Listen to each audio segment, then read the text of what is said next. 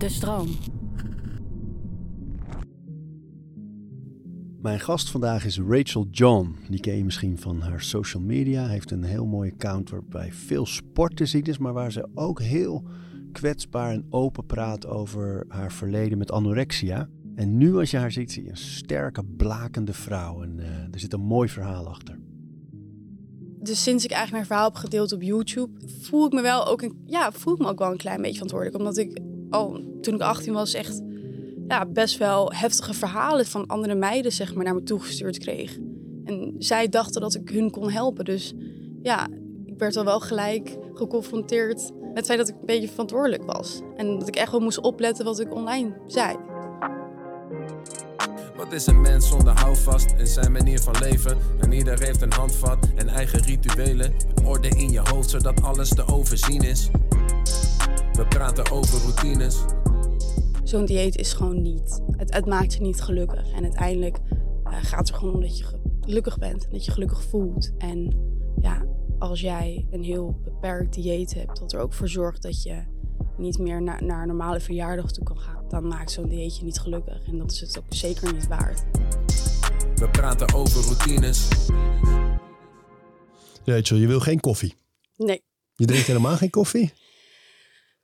Oké, af en toe een iced latte. Ah, oké, er mag koffie in zitten. Ja, er mag koffie in zitten. Maar waarom uh, drink je het niet? Uh, nou ja, ik vind het niet heel lekker. Ik snap ook niet waarom mensen het lekker vinden. Mijn moeder drinkt ook altijd gewoon decafé, zo noem ja, het ja, ja. Omdat ze het gewoon lekker vindt. En dan denk ik, nou, er zijn veel uh, lekkere drankjes. Um, dus ja, en ik vind het ook een klein beetje zonde. Want? Ik wil niet afhankelijk zijn van cafeïne. Ah, qua energie. Leven. Ja. Zo hè? En wat doe je er dan aan om dat zelf in de, in de, ja, zeg maar in de, in de teugels te houden? Mm, voldoende slaap. En gewoon doorzetten. Ja. En als ik moe ben, dan ga ik door en dan slaap ik maar eerder. Maar geen valse aanjagers? Nou ja, niet dat ik nooit cafeïne drink. Af en toe dan drink ik wel. Ja, monster. Nou, monster, dat heb ik eigenlijk pas laatst ontdekt. Ja. In Engeland. Ik weet niet, in Engeland drinken ze veel monster. Maar Red Bull af en toe, ja, als ik dan ga trainen. Of van mijn protein, van die uh, BCA. Ja, die pre-workout dingen? Nou, pre-workout dus ook niet. Vind ik ook niet Te fijn. heftig. Nee, heel heftig. En dan gaat tintelen. En dan denk ik ook van, ja, nou, nee. En waar, en waar ben je, nou ja, bang voor is een te groot woord, maar waarom wil je niet die, uh, die, die extra kick, die afhankelijkheid van cafeïne? Um, nou, ik denk eerst, ja, vroeger was ik er ook bang voor. Um, gewoon, ik vond het niet fijn als mijn hart sneller ging kloppen. En dat heeft er allemaal te maken met mijn verleden. Um, ja, daar kan je toch best wel angstig van worden. Nou, dus nu je meteen zegt mijn verleden, uh, wat bedoel je daarmee? Um, nou ja, ik wilde heel graag de controle hebben over mijn hele lichaam. Dus als ik dan ja, andere middelen um, ga gebruiken waarvan ik extra energie krijg, um, ja, dat voelde toch niet heel erg natuurlijk. Alsof je de controle kwijt was. Ja, en dat wilde ik niet. Daar willen we straks uh, meer over horen ook. Omdat ik vind dat je daar een hele mooie toon in hebt uh, gevonden op je socials ook. Hè? Dat je sterk bent en vol zelfvertrouwen, maar heel veel zelfspot ook vooral jezelf laat zien. Ik bedoel niet het zelfvertrouwen van arrogantie, maar juist het zelfvertrouwen om niet bang te zijn. Ook die kwetsbare kant of zelfs een beetje de onhandige, leuke kant met gekke bekken uh, te laten zien. Een hele mooie toon, denk ik, als voorbeeld voor veel jonge vrouwen. Dat je ja, trots kan zijn op hoe je eruit ziet en waar je vandaan komt uh, vooral. Dus daarover straks meer. Maar laten we eens beginnen aan het begin van je dag. Sta je vroeg op? Uh, verschilt verschilt. Je lacht er al bij. Ja, omdat, omdat ik wist dat dit ging komen. um, ik heb heel erg mijn periodes gehad. Ik heb echt een periode gehad dat ik om vijf uur wilde opstaan en om half zes al ging trainen. En dan was ik voor acht uur klaar met alles. En dan ging ik beginnen aan mijn dag. En dan viel ik om twaalf uur slaap. Maar dat maakt niet uit. en ik heb momenten dat ik zeg maar denk van nee maar Rachel, nu moet je echt uitslapen. Even niks doen, tien uur opstaan en pas om 11 uur trainen. Wow, badass. Weet je wel, ik heb heel erg mijn momenten. En nu Uiterste het... ook wel. Ja, misschien wel een beetje. Ja, kan wel. En waar liggen, waar, eh, hoe, hoe bepaal je die? Of eh, wat voor gevoel gaat eraan vooraf? Ehm kan je het meer uitleggen? Nou ja, eh, dus de- dat je die ene dag voelt van eh, zes uur de- die, die dag in. En de andere dag lekker blijven liggen. En denk, is dat puur op gevoel of gaat er iets anders aan vooraf? Nou, het is niet. Ja, ik denk dat het heel erg ligt aan wat ik die dag moet doen. Dus als ik weet dat ik bijvoorbeeld ehm, de hele dag niet meer ehm, kan trainen, dan wil ik het het liefste gewoon in de ochtend hebben gedaan. En ehm, ik weet niet, het is ook per. Het het verschilt heel erg in wat voor periode ik zit. Dus eh, nu zit ik heel erg in de periode omdat ik dan net uit Zuid-Afrika kom en ik heb gesurfd. Dus nu ben ik heel relaxed en chill. Dus nu sta ik lekker om acht uur op. Maar ik heb ook momenten dat ik dan zit van nee, rage, nu moet je echt keihard knallen. Nu sta je vroeg op. Nee, dat klinkt echt heel heftig eigenlijk als ik het zelf nu terug hoor. ik weet niet. Mm, mm. Je Ja. laat het een beetje gebeuren allemaal gewoon eigenlijk. ja, ja. En Ja. vandaag? Vandaag stond ik. Mm, Ik wilde om zeven uur opstaan, maar ik stond half acht op. En toen ging ik even wat oefeningen doen. Niet echt trainen, trainen, omdat ik dat niet kan. Nee, je hebt iets met je enkel, hè? Ja, ja ik heb mijn enkelbanden gescheurd. Ai. Dus ik heb hele goede fysio-oefeningen gedaan. En een klein beetje dingen gedaan met een band.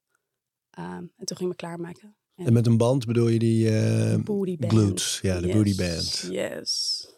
Maar die doe je normaal gesproken ook als je opstaat. Doe je wat oefeningen meteen. Nee, nee. Niet, nee, echt nee, alleen nu voor die enkel. Ja, en ik dacht, ik ga zo gelijk door. Ehm, dus ik wilde het allemaal hebben gedaan. Dus zo kijk je eigenlijk naar je dag. Van hoe ziet hij er verder uit en waar moet ik mijn beweging in ieder geval plaatsen? Want dan zorg je dus wel voor dat je dat elke dag doet. Ja, eigenlijk wel, ja. Ja, klopt. En ehm, na die oefening, eh, eet je pas na die oefening of doe je dat ervoor? Ja, nu deed ik het ervoor. Ehm, omdat ik daar heel veel zin in had. Ja, ehm, soms erna. En omdat, ja, kijk, als ik in de ochtend ga kickboksen, dan ga ik niet een uitgebreide, uitgebreide maaltijd eten. Ehm, maar nu deed ik alleen wat oefeningen. Dus ik dacht, nou ja, ik ging gewoon lekker wat eten. En omdat ik wist, als ik nu niet ga eten, dan heb ik er zo geen tijd meer voor. Want als ik mij ga klaarmaken, dan kom ik altijd een beetje in tijdsnood. Maar je laat het dus wel een beetje door de dag erna bepalen. Dus je hebt niet een soort vaste structuur waarvan je zegt: het is altijd opstaan, eten, trainen. Mm, beetje wel. Ja? Ik heb wel een beetje een routine. Als in elke ochtend als ik wakker word, was ik mijn gezicht. Ga ik schrijven. Ga ik trainen. Dat is een beetje wat ik altijd wel doe. Vroeger had ik echt een hele... Ja, toen had ik echt een hele uitgeschreven morning routine. Dan moest ik eerst vijf uur opstaan. En daarna drie dingen opschrijven waar ik dankbaar voor was. En alles journalen. Wat heb ik gisteren gedaan? Wat heb ik vandaag gedaan? Wat heb ik beter gedaan? Ehm, Hoe lang is dat geleden? ja, toen was, ik, toen was ik 16. Zo, best lang. Dan was je er vroeg bij met die, eh, in die hoek, zeg maar. Die, self-improvement hoek. Komt door de motivational speeches Ja? op YouTube. Ja, echt. Een grote Tony Robbins fan.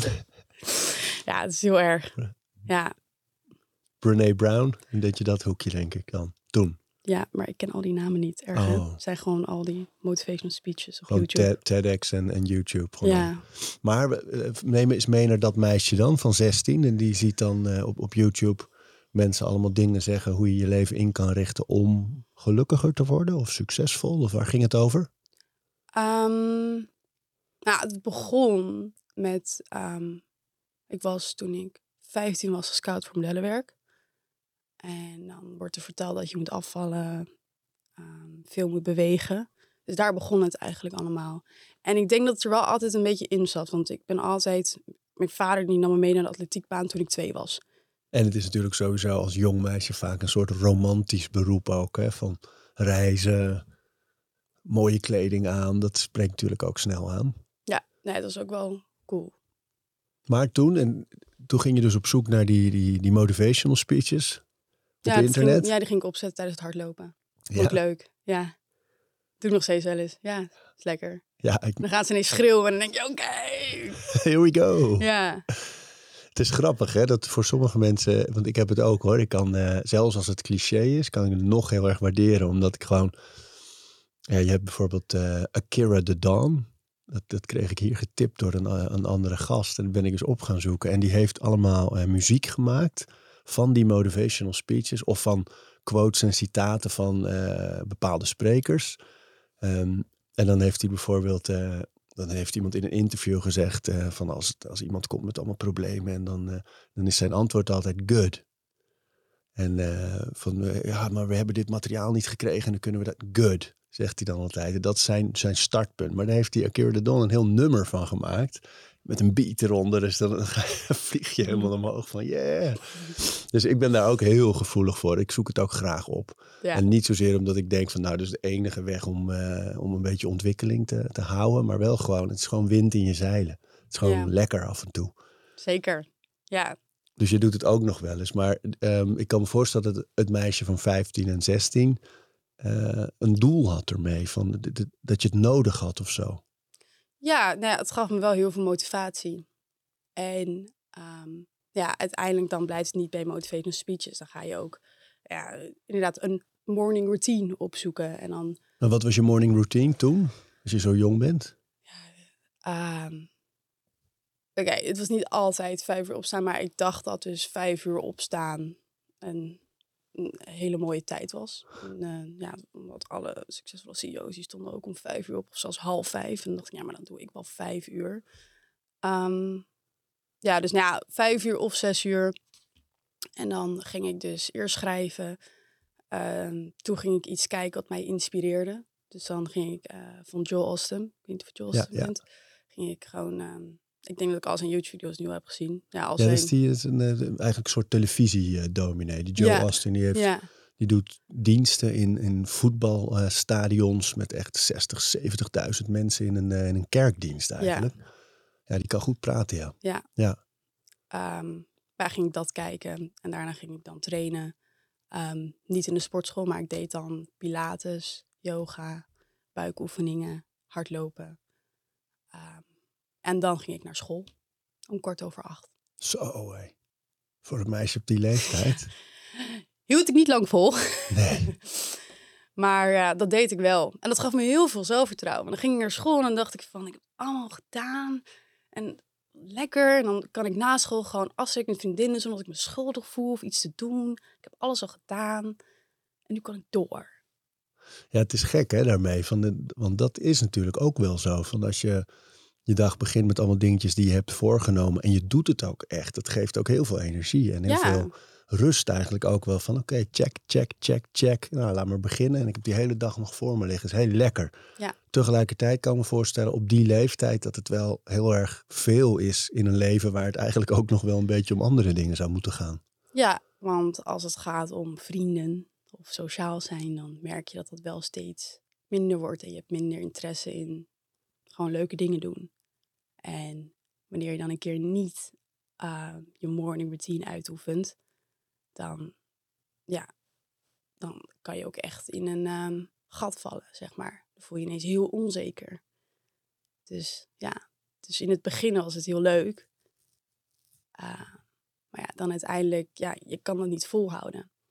Maar dan die zelfliefde, die heb je nog niet ontwikkeld voor jezelf, dat je het ook allemaal oké vindt. Zeg maar, het is oké om uit te slapen. Nee, dat was niet oké. Ik voelde me dan echt heel schuldig en ik voelde me heel slecht. En dan wilde ik ook niks meer doen. Want ik ben de dag niet goed begonnen. Ja, dat is moeilijk hè. Van, ik denk die dingen zouden erover moeten gaan. Rust te creëren en een beetje ruimte en eh, stressmanagement. En eh, toch ook wel een vorm van efficiëntie natuurlijk creëren. Alleen tegelijkertijd kunnen ze heel veel druk zetten van als, dat het een soort houvast wordt. Als je dat niet doet, dan gaat het niet goed. En dan kom ik er niet. En dan, dat voel je dan op, op zo'n leeftijd al helemaal natuurlijk. Als je over veel meer dingen nog veel onzekerder bent. En dat begon eigenlijk allemaal met het inplannen van mijn eten. En daardoor ging ik dus door Ja? met zeg maar, het inplannen van mijn morning routine en de dagroutine. Maar het begon allemaal met het inplannen wat ik at op een dag. En het ging er dan om om dun te blijven, dunner te worden. Ja. Want vertel eens hoe je dat dan deed, zo'n eh, dat plannen. Ehm, nou, in het begin, ehm, voor mensen die mij niet kennen, ik was, ja, ik heb zelf anorexia gehad. En anorexia voor mij begon heel onschuldig. Als in, je wilt gewoon afvallen. En koolhydraatarm eten, dat is gewoon een normaal dieet. ik dacht dat het een normaal dieet was. Mijn ouders vonden het normaal. Iedereen om me heen vond het normaal. Ik at grote maaltijden. Grote salade. Grote pak met yoghurt en veel bosbessen. Want dan lijkt het alsof het veel is. Maar qua ja, inhoud is het niet heel veel. Was je dan bezig bijvoorbeeld met wat je nodig had? Of dat je dacht, ik moet vitamine, mineralen? Of... Ja, ik was wel bezig met groentes en fruit. Van oké, ik wil eh 200 gram groente per dag binnenkrijgen en twee stukken fruit. Dat werd altijd tegen me verteld, dus dat deed ik wel. En dan gewoon geen koolhydraten. En dan zocht ik online eh, recepten op waar heel weinig calorieën in zat. En zo at ik. Maar in het begin was ik ook niet gefocust op calorieën. In het begin was ik alleen gefocust op geen koolhydraten. En dat werkte. Uiteindelijk, ja, dan ga je een beetje plateauen. Ja. En toen ging ik eh, je mij echt verdiepen in calorieën. En toen ging het eigenlijk pas echt fout. Dus toen ik aan het afvallen was, toen zeiden mensen om me heen van gaat het wel? Je ziet er ongezond uit. En toen dacht ik van nou, ik eet gewoon goed, gezond. En toen ik ging focussen op calorieën, toen was ik me er echt van bewust van oké, hoe ik eet is eigenlijk niet goed. Het is niet gezond. Maar ik doe het toch, want ik wil dun zijn. Ja, en dan weet je eigenlijk dat het niet goed zit. Wat merkte je? Ehm, ja, op een gegeven moment was het gewoon nooit goed genoeg. Het was nooit goed genoeg. Ik wilde alleen maar minder. En dat lukte dan niet. En dan ja, walgde ik echt van mezelf. Ja, dan ga je echt... Eh, ja, het is niet een, het was niet een hele fijne periode. Want als je dan naar jezelf keek, wat, wat, wat zag je dan? Ja, gewoon een... Ja, ik wil geen woorden uitspreken wat misschien andere mensen kan triggeren die dit luisteren. Maar ja, ik vond mezelf gewoon heel lelijk en dik. Vooral dik. En dat maakte mij lelijk, want ik dacht dat dat het enige was wat mij mooi maakte. En je zegt het al, hè, dat, dat het inderdaad zo vaak zo werkt dat als anderen dan horen, als ze jou bijvoorbeeld horen zeggen, ja, geen koolhydraten en ik werd heel dun, denk ik, ah, dat, moet je, doen. dat is Ja. zo moeilijk, denk ik daaraan. Dat zoveel meisjes toch nog steeds daarmee bezig zijn. En jongens ook trouwens. Ehm, ja, maar ik heb wel het idee dat ehm, door ook de media, dat bijvoorbeeld een koolhydraatarm dieet, dat dat niet meer echt helemaal eh, wordt geprezen. Maar alsnog, ja ik, ja, ik denk er wel over Ja. na wat ik online zet. Dus bijvoorbeeld nu met zo'n podcast vind ik het best spannend, omdat eh, stel ik maak een video, dan kan ik het altijd nog later eruit editen. En dan denk ik Ja, van, oeh, dit- mm, misschien is dit niet heel verstandig om te zeggen. Ehm, dus ja, Nou ja, dan luister je terug en dan eh, voordat we hem online zetten, en dan luister je op die manier naar. Ja. En, en nu heb je dit ook nog gezegd. En dat laten we er natuurlijk dan gewoon lekker in. Want dan is dat in ieder geval ook uitgelegd. Maar ik denk dat het juist heel goed is. En belangrijk ook eerlijk gezegd om, om te vertellen. Weet je, het, het verschil ook tussen toen en nu. Dat is natuurlijk wel hoopvol ook, eh, denk ik, voor heel veel andere mensen. Ja, en uiteindelijk zeg maar, ehm, zo'n dieet is gewoon niet. ehm, het, het maakt je niet gelukkig. En uiteindelijk eh, gaat het er gewoon om dat je gelukkig bent en dat je gelukkig voelt. Ehm, en ja, als jij een heel beperkt dieet hebt, dat er ook voor zorgt dat je niet meer naar, naar een normale verjaardag toe kan gaan of met vrienden wilt afspreken, dan maakt zo'n dieetje niet gelukkig. En dat is het ook zeker niet waard. Want hoe deed je dat? Dus dan zeg maar vriendinnen zeggen, hey, ga je mee? We gaan naar, eh, weet ik veel, eh, Burger King of wat dan ook. En dan? Ehm, nou, in die periode was ik dus ook verhuisd naar een nieuwe stad. Ehm, dus mijn vriendengroep ehm, had ik nog in mijn oude dorp. En ehm, ik had nog niet heel veel vrienden gemaakt ja, in mijn nieuwe school. Dus ik had niet zo snel dat mensen me meevroegen. En dat vond ik ook heel fijn. Kon je het lekker voor jezelf houden? ja. ja. Nou, ik had wel mijn hockeyteam. En ik had wel wat vriendinnen, maar ik had geen groep. Dus ja, ik werd niet heel vaak meegevraagd. En als ik ook... Nou ja, ik werd in het begin wel meegevraagd, maar als je heel vaak nee zegt, dan kom je ook niet echt in een vriendengroep. Ja.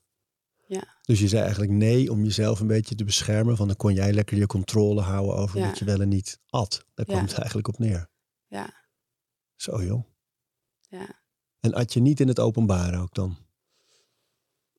Mm, nee, niet echt. Vond ik ook niet fijn. Nee. Ehm, Ja, ik weet ook niet wat ik op school deed. Ik had ook echt zoveel manieren om, om, zeg maar, om naar huis te kunnen gaan. En zeg maar, ik, eh, ik had allemaal excuses. En dan uiteindelijk, zeg maar, ik haalde wel altijd gewoon goede cijfers. Maar ik had allemaal excuses met de leraar waarom ik naar huis toe moest. Of eh, ja, ik was niet vaak op school ook. Ja, ik weet niet wat ik deed. Ik was gewoon niet vaak op school. Nee, ik deed heel veel dingen, maar daar was ik niet. Nee. Ja, ik heb het wel gehaald. Kijk, daar ga je. Dat is het enige wat telt en ik haalde goede cijfers. Dus daardoor dat de leraar me denk ik ook iets meer vertrouwde of zo. Ja, Want ik had uiteindelijk wel een 8, maar ik was nog niet in de les. ging je makkelijk af gewoon. Ja, Maar het klinkt wel alsof je bijna een soort dubbelleven aan het creëren was. Van thuis de controle zoeken, eh, precies bijhouden wat je eet, Ja. wat je niet eet vooral. En, eh, en, eh, en buiten gewoon een beetje afschermen en afstand houden van, van alles en iedereen. ja. Klopt. Was dan- eenzaam? Ja, ja, jawel. Maar ehm, ik had dat toen nog niet door. Dat het eenzaam was. Het lijkt me gek als je er zo uitziet als jij, en knap. eh, Dankjewel. dat, je, dat je veel bevestiging juist op school krijgt. Of dat je. eh, ik denk dat mensen je wel echt opzoeken. En, en dat ze willen dat je erbij eh, komt. En is het makkelijker voor een knap meisje, een mooi meisje, om ehm, die schijn hoog te houden? Ja, misschien wel. Ik, weet, ik heb er ook niet echt over nagedacht. Ehm, ik deed gewoon echt mijn eigen ding. Ik zat in mijn eigen leven, dus daar keek ik ook niet naar. Het maakte niet heel veel uit. Eh, op mijn vorige school, dus toen ik in de eerste, tweede en derde zat, toen was ik wel heel erg bezig met: oké, eh, ben een meisje met de lange krullen. En weet je wel, iedereen moet mij leuk vinden. Nou ja, oké, ook weer niet zo, maar ja, dan was je er wel van bewust van, hoor ik in een populaire groepje of niet. Maar toen eh, deed ik gewoon mijn eigen ding. Het maakte me echt niet uit. Nee. Maar, en wat was dat dan? Van als het je niet meer uitmaakt, is dat dan een soort afvlakking die ook te maken heeft met te weinig eten en gewoon niet zo gezond zijn? Of ehm, was het een soort vorm van zelfvertrouwen van ik volg mijn eigen koers en eh, laat allemaal maar? Ja, ik denk vorm van beide. Ja, en omdat als je zo erg... Ehm, natuurlijk wilde je de controle houden, maar uiteindelijk is het ook lastig om dan vriendinnen te maken die een beetje dezelfde interesses hebben. Dus dan merk je ook wel dat ik niet heel... Ik wilde ook niet per se nieuwe vrienden maken, omdat we hadden niet dezelfde interesses. Ehm, En, Dat- en lukt het een beetje met dat modellenwerk toen? ja, dat lukte ook. Dus daardoor kon ik dus ook weg van school. Ja, ja, ja. Dat was ook mijn excuus. En je kwam in een wereld waar waarschijnlijk veel meer mensen rondliepen die op die manier leefden. Ja, en dat maakte me niet gelukkiger ook. Nee. Nee, Eh, het maakte me juist nog onzeker. Ja? Want ik dacht ook... Ja, nu pas weet ik dat het heel normaal is om afgewezen te worden op een casting. Maar toen dacht ik van... Hoezo? Hoezo word ik afgewezen? En ik dacht oh, dat het kwam omdat ik dus niet dun genoeg was. Dat was voor mij altijd de reden. Niet omdat ik, I don't know, misschien eh, gewoon niet de juiste persoon ervoor was. Of misschien krullen of whatever, I don't know. Ehm, of spontaan genoeg, dat kan ook. Nee, daar wil ik niet eens over nadenken. Maar in ieder geval, ik dacht dat dat zeg maar de reden was dat ik nooit werd gekozen. Zo, dus altijd maar weer dunner, dunner, dunner. Ja, Op welk moment in zo'n proces denk je, of voel je misschien wel van, hé, hey, dit gaat echt verkeerd? Ehm, wanneer. ehm, wanneer je weet wat je doet, wat niet goed is, maar toch doe je het. Dus ik wist op een gegeven moment heel goed dat ehm, ik niet gezond bezig was. Ik, ik wist heel goed wat ik deed en toch deed ik het. En dan weet je eigenlijk dat het niet goed gaat. En ehm, op een gegeven moment zei mijn GGZ-arts, Ehm, eh, ik ga je geen medicatie meer geven als je nog dunner wordt. Dit is, eh, want volgens mij woog ik een bepaald gewicht. Ehm, en als ik nog dunner werd, dan zat ik echt, eh, ja, dan had ik echt ja, ruim ondergewicht. Weet je nog wat je woog toen? Ja, maar dat ga ik ook niet zeggen. Nee? Want is, is dat een trigger, denk je, voor... eh, Ja. Ja, dat is echt, eh, als je gaat praten over... Ja, er zijn toch eh, meiden ehm, die zich toch nog vergelijken met mij. Onbewust. En dan denken ze, oh, als zij dat woog en ik niet, misschien. Zo joh. Ja, Weet je wat een fenomeen, hè? Dat je, dat je ook op internet gewoon websites hebt waar je gewoon tips en tricks kan krijgen om zo dun mogelijk en hoe je het kan verbergen. En ik heb wel eens een programma gemaakt met een jongen in een, eh, in een kliniek voor eh, jongens met eetstoornissen. Eh, en dat is lastig voor een jongen om binnen te komen, dat veel meer meisjes altijd waren, in ieder geval. Maar, ehm, en hij zei ook van elk compliment, dus als hij dan een keer zijn bord leeg had gegeten en iemand zei, hé hey, wat goed, wat heb je dat goed, goed gegeten. Wow, Eh, dat was ook weer een trigger van, oeh, ik heb te veel gegeten, bam. oh, En ze hadden trucjes om eh, hun toetjes in de mouwen te verbergen. Als ze dan handen gingen wassen, dan lieten ze het er allemaal uitlopen. En eh, na het eten de trap op en af rennen of push-ups doen. En er waren allemaal zo- zo'n hele leven eromheen gebouwd van verhullen. En, en eigenlijk eigen methodes bijna om, om dat maar in stand te houden allemaal. Zo diepgaand. Maar zelfs dus nu in zo'n gesprek, als jij zou zeggen van nou, ik woog X ja. dat iemand anders denkt, ah, en ik weet hoe lang ze ongeveer is en eh, Ja. hoe ik tegen haar opkijk in andere opzichten. Dus dat moet ik ook kunnen. ja, dat kan. Schrikkelijk, hè? Ja, Wat, wat kun je, ik bedoel, wat jij doet is één ding, hè? Dus de, de andere kant laten zien en heel goed praten over hoe je daaruit komt. Maar wat kan je, stel in je omgeving, stel iemand hoort dit en denkt, hé, hey, dat is mijn dochter, of hé, hey, dat is mijn vriendin, of hé, hey, dat is mijn zus, of mijn broer, wie dan ook in je omgeving. Wat, wat kan iemand in de omgeving doen om daarmee te steunen? Ja, wat voor mij heel erg hielp was aan een andere hobby zoeken. En gewoon, uiteindelijk kwam ik erachter dat het gaat er eigenlijk niet om hoe ik eruit zie. En dat, hielp. Dus ergens een manier vinden, dat is voor iedereen anders, om ehm, ja, erachter te komen wat je eigenlijk gelukkig maakt. Wat niks te maken heeft met het uiterlijk. Hoe deed je dat? Was nou, het- dat is ook een. het ging ook niet 1, 2, 3, maar het begon dus met fitness. ja? Het begon met fitness. Je ja. gaat meteen stralen trouwens. Ja, je gaat helemaal fonkelen. ja, het begon met fitness voor mij. Ehm, en ehm, ja, een vriend van mij is een bodybuilder. En eh, ik zei tegen hem, mag ik een keertje mee naar de sportschool? En eh, toen ging ik ook gelijk met hem mee. Want ik ben ook wel een persoon, als ik ergens voor ga, ga ik ervoor. Dus dan ging ik echt vier keer, vijf keer per week met hem mee naar de sportschool. Ehm, en toen zei ik nog tegen hem, van, waarom train je elke dag armen? Hij zo, nee, nu train ik borst. Ik zo, oh, oh oké. Oh, dat wist ik niet. Ja, ik voel alleen maar armen. Je duwt toch? Ja. Ja, ik weet wat jij aan het doen bent. En ja, die omgeving, ik weet niet, het, het maakte me zo gelukkig, omdat ehm, het ging helemaal niet om eh, hoe dun je was. Het ging erom hoe sterk je was. En dat was voor mij even heel fijn op dat moment van oké, oké, maar als ik nu sterker wil worden, dan moet ik ook meer eten. Oké, dan ga ik iets meer eten.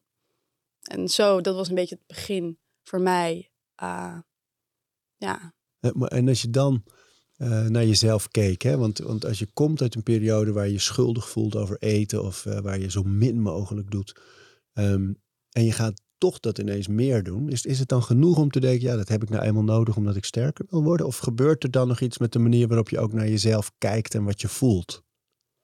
Ehm, ja, op het moment zelf. ehm, ik had altijd nog wel de gedachte van, ja maar weet, oké, dan word je sterker, maar je gaat niet aankomen. Dat, dat, dat, dat kon niet in één keer veranderen. En ondanks daarvoor heb ik ook al, dat heb ik allemaal niet besproken, ik heb ehm, een hele, ja, mijn ouders hadden me naar een, ehm hoe heet dat, disciplecursus gebracht. Oh, En, ehm, en ik had, en ik had eh, gesprekken met me. Ik, ik heb nooit in een kliniek gezeten, maar gewoon met een therapeut. En die disciple cursus, dat is toch echt een eh, soort, ja, zo'n soort Ja. heling of genezing. Ja. Zo. Ja. Vertel daar eens over. Wat was, wat was dat? ja, ik moest gewoon elke week. Ja, ik ik deed niet heel erg mijn best, maar ik moest elke week. Ja, had ik dan een boekje en dan hadden we elke keer een ander onderwerp. En dan inderdaad over ja, haat, liefdesrelaties en mensen vergeven en jezelf vergeven. Ja, dus ik elke week. En dan uiteindelijk dan eindigde dat dat hij naar de kerk toe ging en dan moest je alles van je afschrijven en onder de kruis leggen en dan was het weg. En dan, ja, dat heb ik ook allemaal gedaan. Zo joh. Maar het is ook een, een manier waarop ouders toch, toch nog proberen iets te doen. Omdat ze gewoon willen dat je gelukkig bent. Dat het goed met je gaat, hè, denk ik. Ja, nou, en ik ben nu achteraf er ook wel eigenlijk blij mee. Ehm, want mijn ouders wilden eigenlijk nooit dat ik naar een eetstoorniskliniek ging of iets. Omdat zij wilden niet... Ja, mijn, mijn vader die wil niet dat ik zo'n stempel krijg. Ehm, en ik begreep dat nooit. Ehm, maar ja, mijn vader komt zelf uit Nigeria, dus daar hebben ze niet echt ja, eh, mental issues en mentale stoornissen. Dat hebben ze daar niet. Ja, dat, die zijn er wel, maar het is niet echt een ding. Ehm, dus hij kon het heel moeilijk begrijpen. Dus ja, eh, dus op dat moment zelf dacht ik van ja, dit is niet de begeleiding die ik nodig heb. Maar uiteindelijk heb ik wel mijn eigen weg gevonden weer. Um, waar ik nu achteraf best wel ja, tevreden over ben. Dus misschien helpt het dan als, als ouders in ieder geval pogingen doen om wat zij denken dat een, misschien een oplossing kan zijn. Dat ze in ieder geval hun best voor je doen. Daar komt het op neer natuurlijk. Ja, ja En dat zeker. hielp jou dan toch om een eigen pad te kiezen. Oké, dit is het niet. Hè? Die, die, die, boekjes en die dingen onder het kruis. En uh, dat is iemand, Nou, an, het heeft iemand anders zijn weg. wel geholpen. Ja? Omdat, um, maar niet per, het ging niet echt om een eetstoornis. Want in mijn boekje schreef ik ook nog steeds dat ik dunner wilde worden.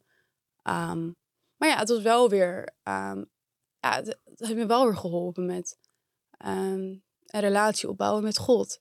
Weet je wat me opvalt bij jou, voordat je dit af gaat maken? Van als jij, um, ik heb je een paar keer ook live gezien uh, aan het werk met anderen. En um, dan, dan ga je heel erg op gevoel. En op je socials heb je dat ook heel sterk, heel erg op gevoel, heel echt komt het over. En, en hier zit je ook heel echt. Alleen ik merk ook dat je dan na gaat denken over hoe, hoe ga ik dit formuleren? En dan ben je die, die, wat eigenlijk jouw charme is, is gewoon bam eruit. Ja. Die ben je kwijt, omdat je nu al nadenkt van ja, maar hoe komt het er dan in? En kan ik het nog editen? En het, het maakt niet uit eigenlijk. Weet je? Nee. Ja, ja, ja, toch een ja, beetje. weet je wel. Ja. Nee, maar ook omdat het, het is gewoon zo'n gevoelig onderwerp. Ja, ja. Um, dus in principe, kijk, als we het gaan hebben over nou, de surftrip, zo ja, dan kan ik alles vertellen. Maar ja. zo'n gevoelig onderwerp, dan wil ik dat ook wel goed. Ja, ja dat snap ik. Je voelt je verantwoordelijk, denk ik ook. Ja, ja, ik denk het. En ik denk dat ik dat al, dus sinds ik eigenlijk mijn verhaal heb gedeeld op YouTube, um, voel ik me wel ook een, ja, voel ik me ook wel een klein beetje verantwoordelijk. Omdat ik al toen ik 18 was, echt ja, best wel heftige verhalen, zeg maar, van andere meiden, zeg maar, naar me toegestuurd kreeg. En zij dachten dat ik hun kon helpen. Dus ja, ik werd al wel gelijk geconfronteerd um, met het feit dat ik een beetje verantwoordelijk was. Ja, en ja. dat ik echt wel moest opletten wat ik online ja, zei. Ja. En, en, nu was je eigenlijk, je begon aan een zin over dat het niet zozeer uitmaakt. Oh ja, ook het ja. christendom vind ik ook lastig. Ik wil ook niet iets verkeerd zeggen voor het christendom, zeg maar. Dus daar denk ik dan ook weer over na. Dus dan het christendom en allemaal, dan denk ik van oké. Okay, ja, uh, je loopt, je loopt te. Dan denk ik ook weer van oké, okay, mijn ouders moeten dan ook weer niet iets denken. En dan denk ik, uh, maar ja. Nou ja, weet je, weet je wat mij vaak helpt als het over die gevoelige thema's gaat, hè, waar er gewoon veel van zijn. En dit is ook nog eens een keer de tijd van iedereen kan overal op reageren via heel veel kanalen. Dus je, alleen het helpt dan ook wel om dat gewoon te benoemen, zoals je nu doet. Ja. En ook gewoon te zeggen, nou, van je ouders, je weet, je houdt van ze, ze doen heel veel dingen goed en ze hebben je heel, met heel veel geholpen. Nou, dat, bam, dat is duidelijk. Ja. En, en wat wil je er nog over zeggen? Weet je wel? Ja, klopt. Ik weet ook niet meer waar we waren eigenlijk. Nou, je had het over dat het je geholpen heeft. Die, die dingen die voor sommige mensen misschien heftig klinken met zo'n disciple uh, uh, cursus. Of, ja. um, en om dan je zorgen en je dingen uh, onder een kruis te leggen en zo. Kijk, voor iemand die niet in die wereld leeft of daar nog nooit van gehoord heeft, is dat best wel iets wow, groots. Ja. Oh ja. Um, ja, alsof je een nieuw. Um, je hebt ook weer een nieuw doel. En um, het is ook gewoon mooi. Ja, zeg maar, God die houdt van je no matter what. En dat is heel fijn om te horen. Um, wat, wat ik altijd wel mee, mee, wat ik altijd wel heb meegekregen vanuit mijn opvoeding. Maar uh, no matter wat je doet en hoe je eruit ziet, zeg maar, is altijd iemand die jou perfect vindt. En dat is heel fijn. En dat heb ik meegekregen. Want het, het, doet er niet toe eigenlijk hoe ik mezelf... Ja, dat doet er wel toe, maar uiteindelijk, zeg maar... is er een veel groter, bigger picture. Um, is mooi, hè? Ja, dus dat is heel mooi. En dat heb ik wel ja, mee, meegenomen. En daarom vind ik Joel Olsen dus ook zo fijn om naar te luisteren. Want hij heeft het niet specifiek over uh, wat in de weet je, van dit mag niet en dat mag wel van de Bijbel. Maar het gewoon meer over van hou van jezelf en God houdt van jou. En dat vind ik heel fijn. En dat heeft me ook heel erg geholpen. En ook als je opstaat, dat je dan niet zit van, oh, uh, ik zie er niet goed uit en dit en dat. Maar dat ik denk van, wauw, weet je wel, God heeft me nog een dag gegeven, nog een mooie dag gegeven om er een hele mooie dag van te maken, als voorbeeld. Dankzij Squarespace kunnen we je deze aflevering van Over Routines aanbieden. Het is een veelzijdig platform dat je helpt om je eigen website te bouwen. Of je nou je producten of diensten wilt verkopen of je kunst wilt delen met de wereld. Hier een paar handige functies van het platform. Met de verschillende ontwerpmogelijkheden kan je eenvoudig een website maken die past bij jouw stijl en behoeften. Je hebt geen technische kennis nodig om je website te beheren of om te herschikken of inhoud toe te voegen. Ook kan je met Squarespace allerlei services koppelen aan je website, zoals je social media of e-mailmarketing en betaalsystemen. Zo kan je de mogelijkheden van je website nog veel verder uitbreiden. Je kan het nu uitproberen door de gratis proefperiode via squarespace.com/overroutines. En ben je klaar om je website te lanceren? Gebruik dan de code OVERROUTINES. Dan krijg je 10% korting op je eerste aankoop van een website of domein. Schitterend. Weet je wat zo leuk daarin is? Dat, dat eigenlijk de dingen die je, denk ik, op je vijftiende ging doen omdat je het ergens gehoord had, die doorleef je nu. Van, van dit is eigenlijk, want eigenlijk heb je het dan over dankbaarheid. Ja. Als je zo je dag begint van, oh wauw. Ik denk altijd aan dat liedje, dat dit is de dag. Ken je dat? Nee. Oh, laat maar. die de Heer heeft gemaakt. Wees daarom blij en zing verheugd. Uh, maar dat is een beetje dat gevoel van, dat je, als je dat gelooft, dan is dat is dankbaarheid. Van elke ja. dag weer. Ik, heb, ik doe het namelijk precies hetzelfde als ik opsta. En uh, ik ben vaak net wat eerder dan de rest eruit. En een eerste gedachte die ik eigenlijk in mijn hoofd doe, of uh, toelaat, of hoe je het maar noemt, of formuleer, is altijd, hey, fijn, een nieuwe dag. Wat, ja. wat, wat fijn dat ik een nieuwe dag in mag en dat er weer, weer een unieke dag. Geen enkele dag is zo geweest als deze. Nog nooit. En dat vind ik ook zo'n leuk, uh, dat is een beetje wat jij dus ook doet. Dat helpt. Ja, zeker. Um, dus ja, uiteindelijk heeft het dus wel geholpen. Ja, mooi. Courses. En ook als ik, uh, een vriendin van mij, die heeft bijvoorbeeld wel in een eetstoorniskliniek gezeten. En um, wat jij ook net al zei over die jongen, dan zie je ook iedereen's trucjes en je vergelijkt, weet je wel, jezelf met iedereen. Uh, iedereen vergelijkt elkaar, iedereen vergelijkt zichzelf met elkaar. En dat is ook heel confronterend. Dus aan de ene kant. Um, ja, moeilijk man. Het is, is het ook heel, ja, het is heel lastig. Het is een beetje wat je wel eens, kijk, je hebt ook sommige dingen zijn nodig. Want ik ken mensen die zouden gewoon dood zijn als ze niet naar zo'n kliniek waren gegaan. Ja, ja, ja.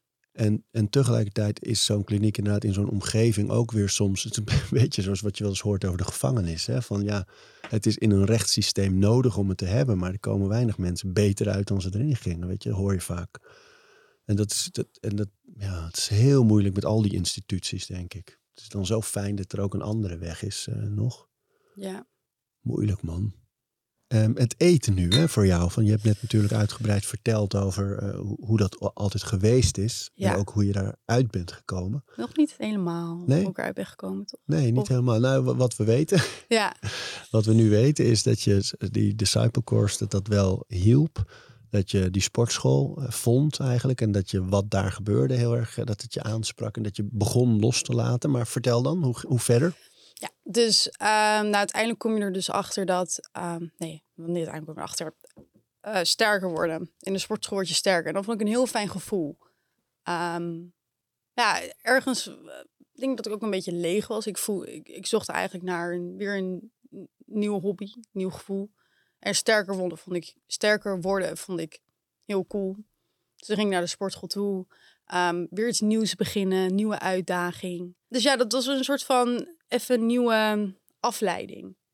Maar mijn gedachten waren nog steeds ongezond. En ik had nog steeds een ongezonde relatie met mezelf, met het eten, uh, met mijn lichaam. Maar het was wel een hele fijne afleiding. En um, toen werd fitness soort van mijn nieuwe hobby. En toen begon ik eigenlijk al met mijn YouTube-kanaal.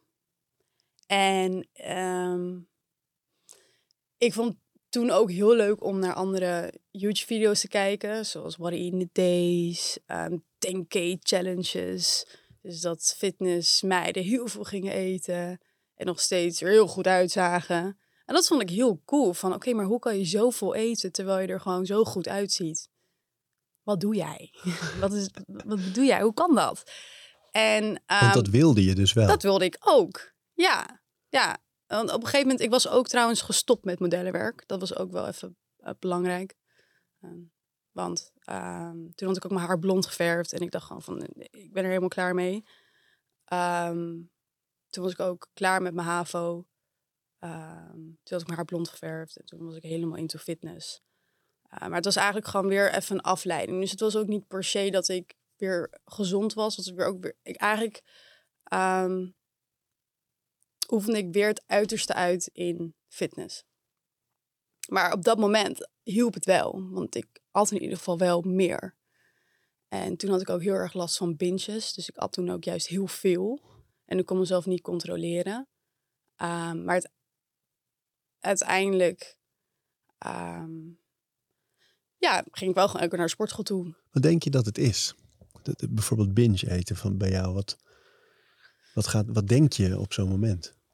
Ja, als je jezelf zo lang ehm, hebt ge... Ja, ik noem het restrict.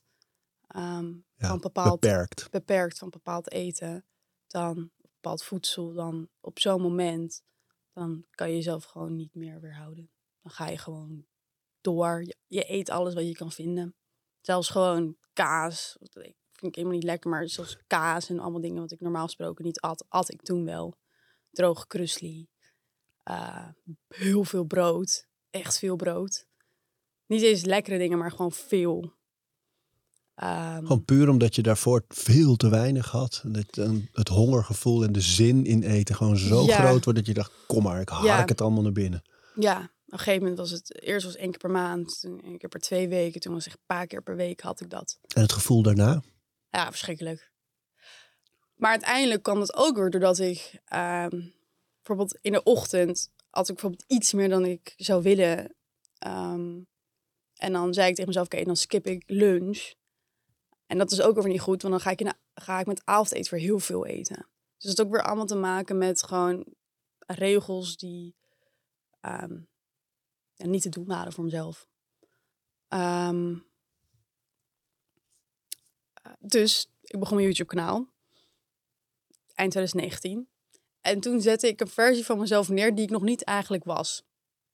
Nee, zeg maar, ik zei eigenlijk, ik, ik maakte een video over hoe ik mijn eetturns was overkomen. Ehm, hoe ik ehm, nu eh, best wel eh, gezond eet. En dat is eigenlijk hoe ik wilde zijn. En door die YouTube-video's werd ik ook zo. En dat is wat me uiteindelijk heeft geholpen. Door de YouTube-video's, doordat ik elke keer liet zien online en dat ik ging filmen wat ik at, wilde ik ook echt zo eten. Dus in de ochtend, als ik dan een goede portie havermout voor mezelf had gemaakt, dan wilde ik dat wel helemaal opeten. Want ik dacht van, ja, maar dat hoort, want ik laat dit zien. Ik ga nu niet lunch overslaan, want ik ga mijn lunch laten zien online. Maar wat goed, dus- dus eigenlijk werd je, werden je socials een soort stok achter de deur om het Ja. ook echt zo te doen. Ja. Dus waar een ander zal denken, nee, want het gaat om het plaatje en ik fijns het. En eh, dacht jij, nee, als ik het laat zien, moet het echt zijn. Ja, ja, ik ga niet, nee. Dus ik, ja. dus Mooi. Ik, ik ging niet doen alsof ik het dan wel at. Nee, dan eet ik het ook echt. En toen merkte je ook dat er echt iets gebeurde dus. Ja. Wauw, ja, dus dat heeft me heel erg geholpen. zo joh. Ja, Tof hè, dat het zo werkt. en dat ging toen heel goed. Ja. En toen ineens was het, ja, mijn baan. Want vertel daar eens over. Van, van, van, je hebt dus je YouTube kanaal en eh, Instagram, ehm, TikTok. Ja, ook. Ja, ja. Ehm, hoe, hoe vul je dat in in je dag? Van, je maakt veel, je laat veel zien. Ehm, ja, dat verschilt dus ook elke keer. Want uiteindelijk laat je gewoon zien wat je doet. Dus als ik genoeg dingen doe op een dag, dan hoef ik dat niet echt in te plannen. Ehm, zo vind ik het zelf fijn, tenminste. Ehm, maar ik heb ook een periode gehad dat ik dacht van oké, Rage, Eh, social media is nu echt best wel belangrijk. Ehm, het is echt een ding, dus plan het maar goed in, weet je wel. Net als werk, je moet gewoon inplannen. Plan het maar gewoon in van 9 tot 5 of zo, weet je wel. Ja, weet ik veel, zo'n dingen proberen. En dat werkte ook niet. Um, want dan ga je content maken voor... Dan ga je dingen doen voor de content. In plaats van dat je eigenlijk content maakt van de dingen die je doet. Ja. Dat vind ik fijn. Ik wil niet nu um, expres naar de sportschool toe gaan omdat ik een video wil opnemen. Nee, ik maak een video terwijl ik naar de sportschool toe ga. En um, ja, dat had ik dus vorig jaar heel erg. Omdat ik toen was ik dus gestopt met mijn studie. Ik studeerde voeding en diëtetiek. Nou ja, gestopt, pauze. Um, ja, en dan merk je ineens van oké, wow, ik kan nu echt doen wat ik wil. Ik heb nu een social media account. Ik verdien daar nu geld mee. Ik heb twee sponsors. Um, oké, okay. moet ik nu elke dag naar de sportschool toe gaan en foto's... Wat moet ik nu doen? Um, een deel wordt natuurlijk bepaald door die sponsors ook. Gymshark en MyProtein volgens ja. mij. Kan je gewoon noemen hier hoor. Ja. ja. en die bepalen natuurlijk al met je van nou dan en dan hebben we een shoot. En uh, ja. je, je post met een frequentie waarschijnlijk. Er ja. zijn vaak afspraken over. Want voor mensen die dat niet kennen, hè, die hele wereld van uh, influencers of fitfluencers in dit geval. Hoe ziet zo'n verdienmodel eruit? Zonder bedragen te hoeven noemen hoor. Um, nou ja, dus dan um, bespreek je met je sponsor af um, hoeveel deliverables je aanlevert per maand. En deliverables zijn stories, uh, feedposts, uh, TikToks en YouTube. Het ligt eraan wat een talent, wat een influencer doet. Ja, en dan, dan maak je een contract en dan krijg je dus zoveel geld in ruil voor uh, die deliverables. En met die twee sponsors heb je eigenlijk al gewoon je, je inkomen per maand lekker gedekt. Ja. En dan pak je daarnaast nog wat, wat kleinere dingen hier en daar. Ja. Gewoon van een merk dat zegt, hey, we zien dat je ons gebruikt. Of uh, hey, is dit niet iets voor jou? Wil jij erover posten? En dan krijg je daar een bedrag voor. Ja, ja, ja. zeker. Vooral als ik het leuk vind. Want je vertelde eerder in dit gesprek natuurlijk dat je je soms ook wel verantwoordelijk voelt nu hè, naar meisjes die jou ook misschien wel zijn gaan volgen, juist omdat je een anorexia verleden hebt. Ja. Um, jouw afwegingen in wat je laat zien, bijvoorbeeld van je lichaam. Wat, wat zijn je, de vragen die je stelt voordat je iets post? Nee, dat post ik gewoon. Ja, ja met foto's, ja, ik denk er niet heel erg over na. Um, wel wat ik zeg. Maar als het gaat om foto's, ja, uh, ik vind dat je gewoon trots mag zijn op je lichaam. En dat wil ik ook uitstralen. Dus dan post ik dan ook gewoon lekker. Um, ja, ja, dat. Als het gaat over schoonheidsidealen, over dik, dun, hoe je er ook uitziet, dat het niet uitmaakt. Eh, krijg je wel eens discussie of krijg je wel eens... Ja, ik had vorig jaar, uh, post ik dan wel eens een foto met een vriendin van mij. En zij is uh, een curvy model. Oh ja. Um, dus ja, daar kreeg ik wel, kom, ja, die comments verwijder ik dan ook gelijk. Dat vind ik niet fijn. Um, ja, ik vind het ook een hele moeilijke discussie. Omdat um, hoe ik er zelf mee omga, is het, gewoon, is, het gewoon allemaal verwijderen. En ik ga er ook niet op in. Uh, omdat ja, als iemand de heilige van overtuigd is dat het ongezond is, dan kan ik kan niet diegene overtuigen. Dus ik ga er gewoon niet op in. Maar hoe ik er zelf over denk is, iedereen mag trots zijn hoe ze eruit zien. En dat is mijn mening. En dan of iets gezond of ongezond is, dat is aan diegene zelf om aan te werken. Dat hoef je niet online te horen. Goeie. En je verwijdert dan dus opmerkingen als, als mensen op jouw account anderen aanvallen? Ja, dat Weg ja. Blok je ook? Nee, blok ik niet. Nee, verwijderd gewoon. Ja, als ik telkens dezelfde gebruikersnaam zie, dan ga ik iemand wel blokkeren. Maar... Het is makkelijker geworden, hè? Ja, maar ja, gewoon verwijderen. Ja, ja, ik vind dat ook echt de koers hoor. Het is ook dat mensen dan zeggen, ja, je bent bekend, het, het hoort erbij. En dan denk ik altijd, nee, dat hoort er helemaal niet bij. Het is gewoon onbeschoft. Ja. Je gaat niet iemand uh, uitschelden. Dat doe je nergens. Dat doe je ook niet op straat. Waarom zou je dat op social media nou wel doen? Ja, ja laatst heb ik ook wel gemerkt dat, um, tenminste dat heb ik, um, ik, ik, krijg niet snel um, ja, haatcomments. Maar als er bijvoorbeeld, uh, laatst ging dan een reel uh, viraal. Die heeft nu ineens 9 miljoen uh, views. Wow. Maar als je dan onder de comments gaat, dan komen er ineens echt comments. Je zit van, nou, dat vind ik niet nou. helemaal niks verkeerd. Ik had gewoon een grappige reel gemaakt over wanneer de sportschool druk is en je wilt foto's maken. Dat je dan echt dingen krijgt van maak nog geen foto's. Of zeg maar van ga dan gewoon lekker naar huis. Terwijl mijn eigen volgers zouden dat nooit commenten. Maar als het dan viraal gaat, dan krijg je ineens allemaal dat soort types erbij. 9 miljoen. Ja, Dan is die dus internationaal viraal. ja. Zo hé. En wat was die reel? ja, het was echt een hele simpele reel over. eh, dus wanneer je foto's gaat maken in de sportschool. Maar nee, wanneer je foto's wil maken in de sportschool, maar het is super druk. En het was gewoon heel grappig. Het was, ik vond het gewoon grappig. Ja, ik vond het wel leuk. Je moet het ook niet te serieus nemen. Dus ook... Maar ja, maakt niet uit. En dat, hè, van eh, zo'n zo'n reel die dan 9 miljoen eh, views krijgt, doet dat iets met je? Ehm, mm, ik vind het leuk, ik vind het grappig. Maar ik heb niet heel veel ook gegeven met deze reel. Het was gewoon grappig. Maar ik heb ook een keer mijn verhaal gedeeld ehm, op, op, TikTok. En dat was toen eh 10 miljoen keer bekeken. En toen kreeg ik ook ineens eh, echt super veel volgers, super veel berichtjes. Wat een mooi verhaal. En dat doet me dan wel iets. Maar zo'n grappig weer, het is leuk, maar eh, daar blijft het ook wel bij. Het is mooi, hè, dat juist zoiets inhoudelijks dan, dat wat echt mensen raakt, dat dat het ook gewoon zo goed doet, hè? Beter Ja. nog zelfs. Ja, maar ook als ik gewoon eh, een recept deel en ik krijg heel veel positieve comments erover. Kijk, dat, dat vind ik dan wel weer heel leuk. Eh, en, het doet een, en als het dan ook iets beter doet dan normaal, vind ik ook leuk.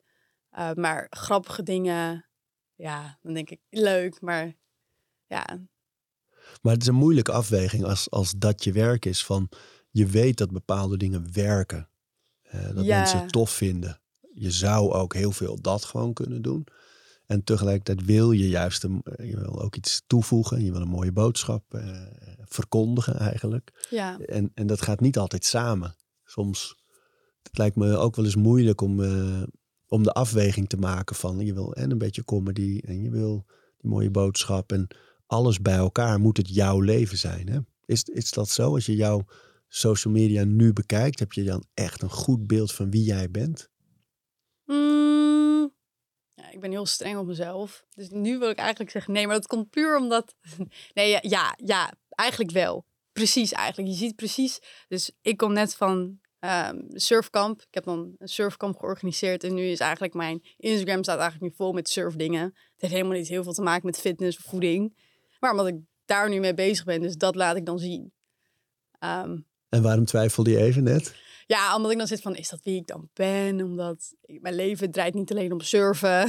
Ja, ja, ja, zo bedoel je. Maar ja, in principe, ja, als je gewoon verder scrolt, ja. Ja. Het, is, eh, het is precies wie ik ben. En dat maakt mij dus gelukkig. En daar ging ik dus eventjes vorig jaar doorheen van... ehm, eh, Het is te zakelijk, te veel. ja, zeg maar dat ik dan eigenlijk geforceerd ging posten wie ik was. Terwijl ik gewoon op het moment zelf eh, ja, foto's en video's maak. En zo'n surfkamp, hè, dat, dat komt dan in je op. Maar dan denk jij niet gewoon, ik ga lekker surfen. Je, je gaat meteen een kamp organiseren. Ja, nou, dat ging niet gelijk. Ehm, want vorig jaar, een wereld ging voor me open. Dat je dus gewoon naar een ander land kon gaan. En ja, ik had toen geleerd om te surfen. En ik vond het zo cool. Wat vond je er zo mooi aan? In de oceaan, geen afleiding. Ehm, de plek waar ik surf, eh zwemmen dus ook wel eens dolfijnen. Nou, het, het- ik vond het zo, zo leuk. En dat, ja, die enthousiasme, die zien mijn volgers dan ook weer terug op mijn social media. Dus die vinden dan automatisch ook leuk. En voordat ik het wist, eh, de plek waar ik dus verbleef, ehm, zat toen vol met Nederlandse meiden. Zonder dat ik überhaupt iets organiseerde. Maar gewoon omdat ze dat ook gewoon heel cool vonden. En toen kwam ik er ook achter dat, oké, dus blijkbaar een surftrip in Zuid-Afrika oké, is niet heel bekend. Of überhaupt gewoon een eh, groepsreis. Ehm, daar hebben dus wel heel veel meiden behoefte aan. Maar ze weten gewoon niet hoe ze dat, waar ze dat kunnen vinden. Dus toen dacht ik van, oké, dan doe ik het zelf. Eh, en ik wist dat er dus wel, ehm, ik wist dat genoeg meiden geïnteresseerd waren. Anders had ik het ook niet zomaar gedaan. Eh, maar ik wist dat dat allemaal wel goed kwam. Toen dacht ik van, oké, ik ga een reis organiseren. Precies wat ik allemaal heb gedaan. Dus skydiven, bungee jumpen, surfen, quadbiken. Allemaal in één pakket gegooid. En dat was dan mijn surftrip. Ja, dat was echt heel heftig. Ook op een gegeven moment op dag zes, iedereen was echt moe. En ik zo, jongens, woehoe, we gaan door. Ja, gewoon precies eigenlijk gewoon wat ik leuk vind om te doen. Heb ik in een, eh, heb ik een, daar heb ik een pakket van gemaakt. Hoeveel mensen gingen er mee? Ja, uiteindelijk niet zeg maar gewoon ja, hoeveel eh, de lotje aankwam, aankon. Eh, dus dat was, we waren in totaal, we waren met, we waren met 16. Zo. Ja, we, met- ja, met 16. Ja, in totaal. En was je dus ook ineens een reisleider. Ja, ja, klopt. Ja, ik weet ook niet. Dat, is ook, dat stond ook niet ergens in mijn vision board of iets van ik ga een, een surftrip organiseren, maar dat gebeurde gewoon ineens. En Heb, dat, je, heb je een vision board? ja, Is Dat dat is- iets wat je kan delen? ja, ja hoor. Wat erop staat? En wat het Ehm, eigenlijk precies is voor iedereen die nu denkt, een vision board. Een vision board is een, een, een, eh, ja, een bord met allemaal doelen die ik wil behalen. Maar dan met plaatjes. Oh ja, Ja, ik heb met plaatjes. ja. Dat is mijn laptop eh, scherm. Nee, wat is het? Achtergrond, achtergrondscherm. hoe bouw je zoiets? Eh, Photoshop? Nee. Ehm, ja, ik, ik weet niet. Elk jaar doe ik het en dan denk ik er gewoon ehm, over na wat ik wil. Ehm, en ik wil altijd heel veel, dus ik weet dat het niet in één jaar te behalen valt. Vooral als ik dus ineens een surftrip organiseer. Ehm, maar ja, ik, ik, ja ik, ik, ik bedenk gewoon, oké, wat wil ik? Wat met mij gelukkig? Daar zoek ik plaatjes van en dan eh, ja, plak ik dat erin. En in welk deel van het jaar doe je dat? Eh, begin elk jaar. Zo januari. Dus En dan ga je zitten, gewoon Ja. thuis. ja, En nadenken. Ja. En dan komen er dingen bovendrijven. Of neem je ook dingen mee van vorig jaar die nog niet gebeurd zijn. Dat je Ja, denkt, die ja. komen er weer op. ja, dus bijvoorbeeld eh, voor dit jaar heb ik eigenlijk erin gezet dat ik heel graag iets wil doen met een goed doel. Of een goed doel wil beginnen. Ehm, heb ik dus nog niet gedaan. Wil ik wel heel graag. Nu ik het ook nu zo uitspreek, denk ik van oké, Rage, zo moeilijk is het niet. Doe gewoon iets. Ehm, eh, dingen als, eh, wat heb ik er nog meer op staan? Een podcast beginnen, ook. Eh, dingen als meer lezen, maar die, die hou ik er gewoon altijd in. Ehm, ja, een jeep staat er ook op. Ik wil graag een jeep. Lekker materialistisch. Mag ook. Ze komen met een hybride nu, de Jeep. Ja, ja, ja. de goede kant ja, op. ja, Ja. klopt. Ja, dat is de Rubicon. Ja, die hebben ze Rubicon en de Compass. Die hebben ze allemaal eh Ja, die staat erop. Hey. Ja. Past ook bij een surfplank op het dak. Ja. ja, ik vind het gewoon echt een coole, stoere auto. Dus er staan dingen op die met eh, ja, materie, dingen hebben te maken. Dingen die je nog wil doen. Ja, Maatschappelijke projecten, ambities. ja, En daar zoek je dan plaatjes bij. ja. En nog een quote erbij. En die quote? Ik weet even niet. Nee, create the highest possible vision for yourself.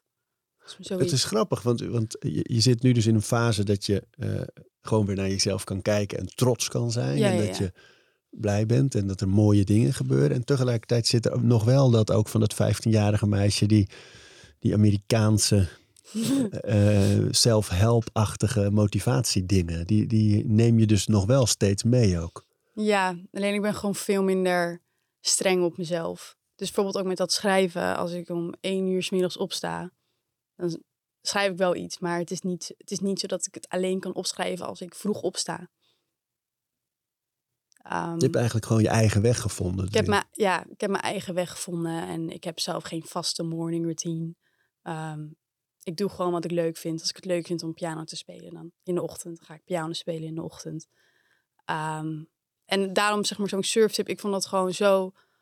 Het was zo erg uit mijn comfortzone. En ook daar heb ik ook echt geleerd om gewoon op veel meer dingen ja te zeggen. Mensen die mij ineens uitnodigden, kom je mee wakeboarden? Ja, ik net letterlijk een half uur geleden had ik geskydived voor het eerst. Na dan gelijk wakeboarden. Ja, doe maar. Kom je roadtrippen naar Kaapstad? Ja. Ik zei, ik zei ineens op alles zei ik ja. En dat is misschien ook niet goed, maar dat moest ik wel even leren. Want ik zei op veel te veel dingen nee. Waarom? Ja, eh, bescherming. Nee, eh, dat is niet goed. Ik moet eh, van mezelf moet ik nog dit doen. Van mezelf moet ik nog ehm, trainen. Van mezelf moet ik nog gewoon lunch voor mezelf maken. Hoe ga ik dat dan doen met lunch als ik nu eens ga wakeboarden? En dat is gewoon, ja, ja, ja. Onder de Ik foto, een filmpje op Instagram van die skydive staat... eh, het begint buiten de comfortzone. Ja, Is dat een beetje de nieuwe houding? ja, ja. Toen wel, ja. Ja, nog steeds. Ja, kijk, eh, kijk het was ook misschien een beetje overdreven, maar dat moest ik even doen van mezelf. Uh, nou, niet moest. Ik moest niks. Ik wilde het doen. Um, maar ja, zeker uh, een beetje, telkens een beetje uit je comfortzone stappen. Ja, dat vind ik wel heel leuk. En, uh, en dat kan ook. Je kan zoveel, er is zoveel mogelijk. Ik bedoel, ik ben nog maar 21 voor de mensen die mij niet kennen. Ik ben echt super jong. um, maar ik was veel te streng op mezelf. Dus ik wil veel meer echt genieten van het leven. En dat is ook uiteindelijk de boodschap die ik wil meegeven aan mijn volgers. En waar ik uiteindelijk ook een empire, onderneming uh, van wil... Nee, onderneming van wil bouwen. Ja, ja, ja. Is niet hoe word je dunner, hoe word je sterker, hoe word je whatever. Maar hoe word je gelukkig in je eigen lichaam. Wat, wat is de sleutel? Ja, die zelfliefde. Hè? Ja. Ik zat me nog af te vragen van het hele stuk dat je vertelde over, uh, over anorexia en hoe je daarmee om bent gegaan. Ben, ben, je blij met hoe je het nu besproken hebt? Zijn er dingen die je daar nog over wil zeggen? Um, ja, ik ben blij um, hoe ik het heb um, ge, hoe ik het heb verwoord. Wel wil ik nog zeggen dat het het lijkt nu alsof het allemaal heel snel makkelijk ging. En het was wel, uh, het duurde wel ongeveer, ja, uh, ook niet ja, drie jaar. Um, en ook uh, fitness was niet de enige uitweg, maar het was wel een hele goede afleiding. Um, ja, dus het duurde wel allemaal veel langer. En ook kleine dingetjes, kleine regels die ik moest verbreken voor mezelf. Uh, als in, weet je wel, voor jezelf chocola kopen, dat soort dingetjes. daar heb ik ook nog wel echt mee, ja, gestruggeld. Dus het ging allemaal niet heel makkelijk en snel. Maar voor de rest heb ik wel alles. Want als je dat specifieke voorbeeld neemt, hè, van als, als, als, als handreiking eigenlijk, of als tip misschien ook, hoe ga je daar dan mee om? Van de, die, die eerste keer dat je denkt, ja, chocola kopen, ga ik dat doen? En hoe dan? Um, ja, eigenlijk gewoon dat als je, dat als je chocola eet, dat er nog steeds niks is gebeurd. Er is niks gebeurd. Ik ben niet veranderd. Mijn lichaam ziet niet anders uit. Ik zie niet anders uit. Um, ik voel me fijn. Het was lekker. En je gaat weer door, zeg maar. Het is niet alsof de wereld nu ineens uh, vergaat. En dat leer je dan beetje bij beetje weer. Van oké, oké, nou misschien. Oké, nu heb ik eigenlijk wel zin in, een groter stukje. Wat gebeurt er dan? Oké, nou niks. Oké, nou top. En ook dat stukje dat je leert van... Oké, maar eigenlijk heb ik nu wel genoeg gehad ik eet het morgen gewoon weer verder op. Uh, ik hoef het niet nu allemaal op te eten. Dat je gewoon heel erg leert van, oké, wat vind ik lekker? Wat geeft mijn lichaam aan? Wat wil ik? Maar ook wel een stukje van, ja, kijk, als ik nu de hele reep opeet, word ik daar morgen gelukkig van? Word ik daar zo gelukkig van? Nee. Dus ik hoef het ook niet allemaal in één keer op te eten. Want dat heeft ook weer te maken weer met dat binge, zeg maar. Dat moest ik ook weer, weer overwinnen. Want het hoeft niet allemaal nu. Het kan ook later. En dat stukje later, dat heeft mij heel erg geholpen. Ja. Ook is het maar tien minuten later. Gewoon niet op het moment zelf. Kleine stapjes. Kleine stapjes. Lief ja. voor jezelf zijn. Ja, heel erg. Ja. Je socials? Gewoon eigenlijk Rachel John overal? Ja. Ja, TikTok is het Rachel Johnny. Tuurlijk. Ja. ja. Nou, overal te vinden en zeer de moeite waard om, uh, om eens een kijkje te gaan nemen voor mensen. Dankjewel. Jij bedankt. We praten over routines